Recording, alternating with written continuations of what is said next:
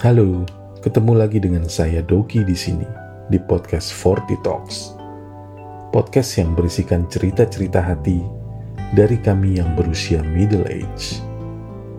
Cerita hati kali ini berkisah tentang seorang sahabat 40 Talks yang berhasil melalui salah satu badai terberat dalam kehidupannya. Sahabat tanpa nama kami ini kemudian tergerak untuk berbagi pengalaman hidupnya dengan menuliskan kisahnya kepada kami. Saya rasa nggak usah pakai lama lagi. Yuk kita dengerin kisah dari sahabat tanpa nama Forty Talks di episode kita kali ini. Aku dilahirkan dari keluarga dengan ikatan yang sangat baik. Kami kakak beradik saling menghormati, walau kadang sesekali kami saling mengkritik dengan tujuan supaya ikatan keluarga tetap kuat. Ibuku adalah seorang pendidik, sedangkan bapak adalah seorang yang berbasis teknik. Karena kedekatan bapak dan anak-anaknya sangat baik, maka aku dan kakakku terpengaruh oleh jejak bapak menjadi seseorang dengan basis teknik. Aku terutama tidak tertarik dengan ilmu sosial. Walaupun di kemudian hari, aku baru merasakan jika ilmu dengan basis sosial ini juga sangat penting. Hubunganku dengan ibuku cukup dekat, walaupun tidak sedekat hubunganku dengan bapak. Aku tumbuh menjadi seorang pribadi yang introvert. Segala hal yang terjadi di dunia ini kusimpan di dalam kepalaku Aku kurang menyukai jika aku berkumpul dengan teman-teman yang pesertanya lebih dari empat orang. Jika ada pertemuan ramai-ramai, aku otomatis akan berada di bagian belakang, hanya sebagai pendengar. Kusadari bahwa aku senang memperhatikan tingkah laku seseorang, mempelajari, kemudian menganalisanya untuk diriku sendiri Aku banyak mendapat pelajaran dari kegiatanku ini.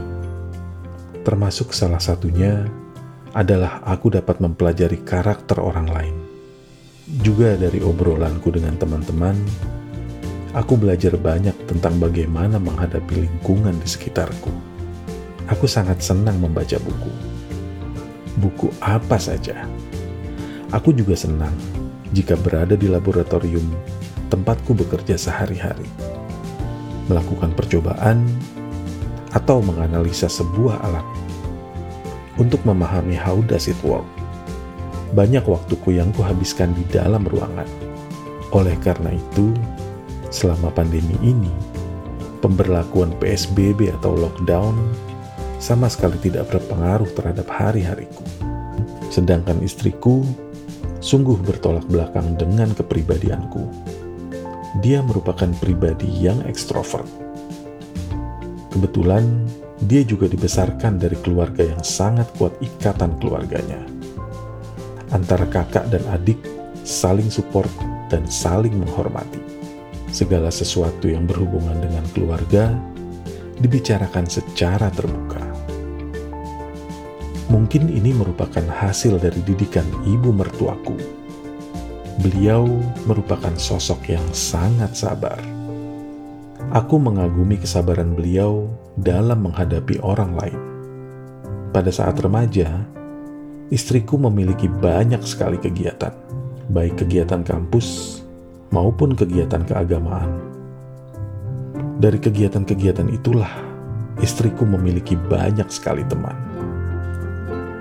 Karena keintrovertanku, Aku termasuk golongan yang susah untuk berteman, terutama dengan lawan jenis.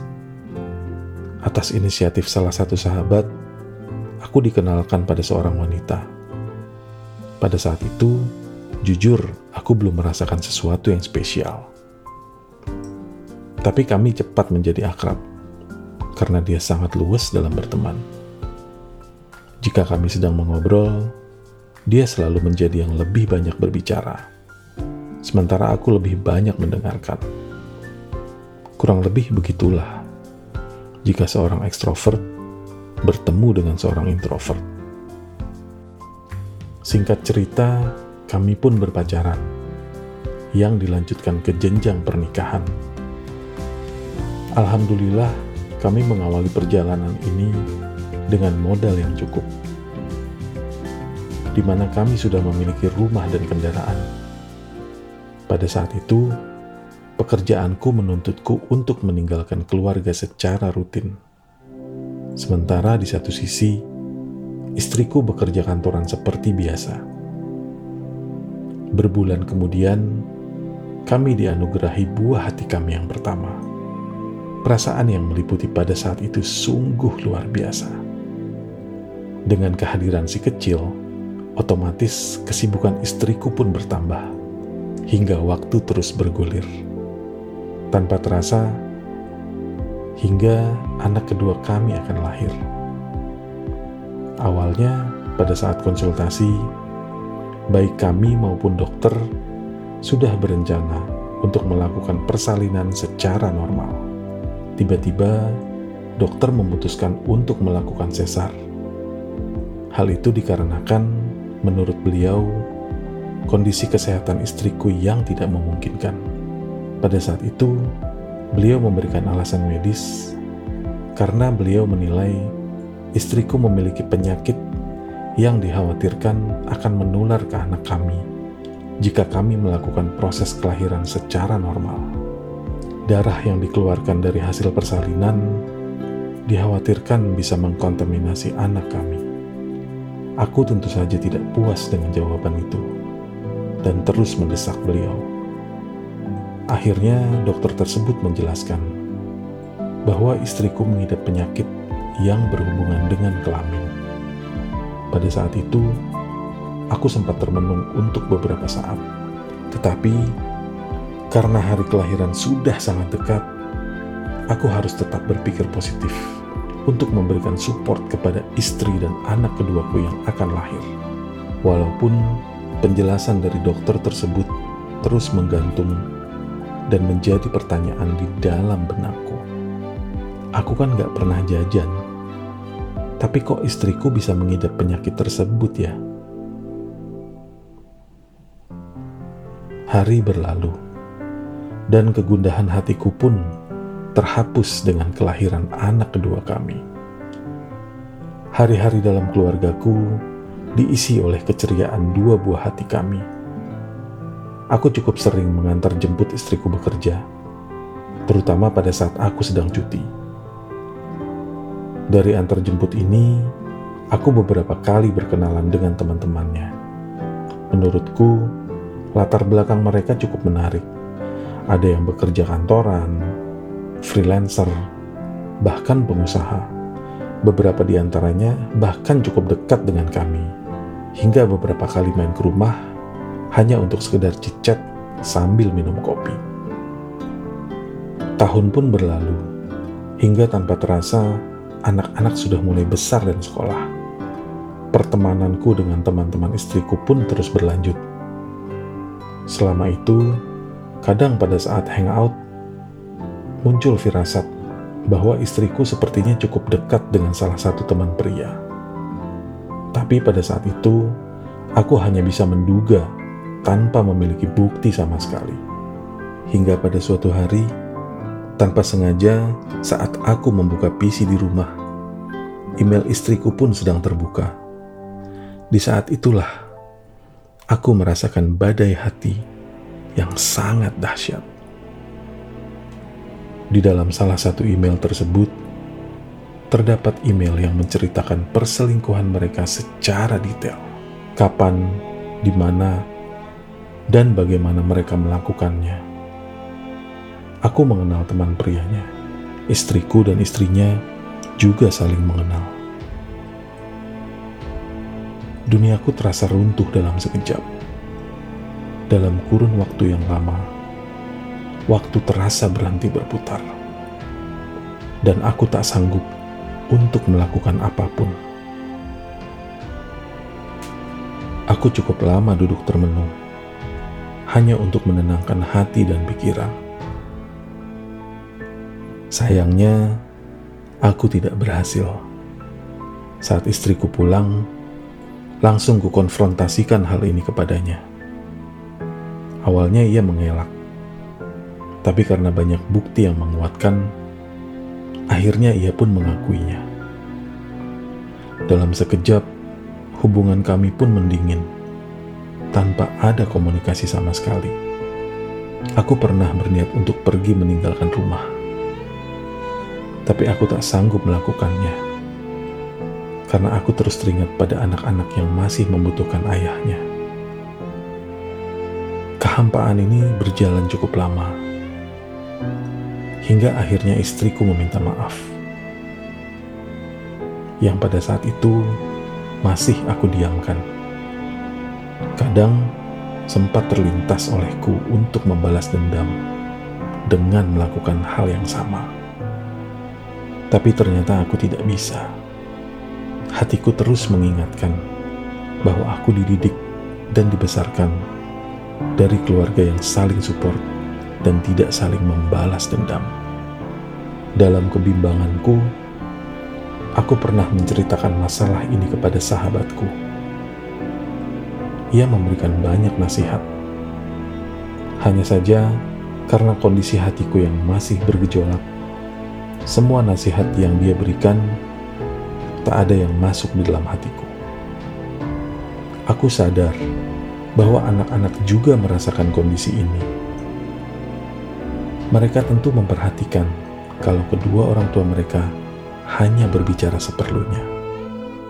Aku dalam kebimbangan yang luar biasa. Di satu sisi, aku kasihan dengan situasi kedua anakku.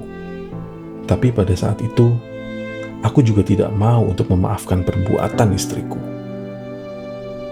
Aku tahu dalam setiap kehidupan rumah tangga, pasti akan ada banyak badai yang harus dilalui. Hal itu sangat kusadari. Aku ingin cepat berlalu dari badai ini. Aku ingin pergi dari badai ini tanpa mengorbankan kehidupan kedua anakku. Dalam salah satu perenungan panjangku, sekilas tergambar sebuah flashback dari masa lalu ketika aku menyaksikan kedua orang tuaku berjuang sekuat daya untuk anak-anaknya, walaupun dalam kondisi yang sangat sulit. Kadang dalam perenungan ini, egoku terus berteriak bahwa ini adalah hal yang berbeda. Hingga pada suatu pagi di bulan November, aku menemukan bahwa hatiku telah mampu berdamai dengan keadaanku Kini aku mampu untuk berpikir sedikit lebih jernih.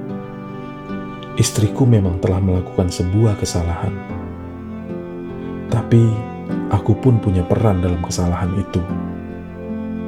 Saat aku bertugas keluar kota, aku sadar bahwa aku jarang berkomunikasi dengan keluargaku. Begitu juga dengan egoku yang merasa lebih hebat dari orang lain ego yang menutupi kebutuhan lawan bicaraku. Dalam hal ini adalah istriku sendiri.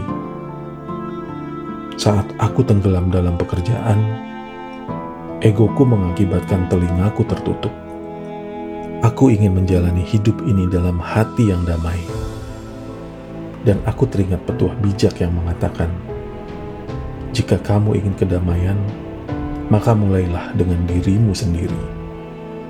Maka, setelah kuruntuhkan tembok egoku, aku mendatangi istriku, dan kami pun mulai berbicara. Kutumpahkan semua rasa yang ada. Begitu juga dengan istriku. Teman-teman, badai akan selalu hadir dalam kehidupan kita. Bahkan, ia sering kali hadir tanpa menunggu kita siap untuk menghadapinya. Hadapi saja dengan keteguhan hati. Percayalah bahwa matahari akan selalu hadir setelah badai. Sampai jumpa di episode berikutnya.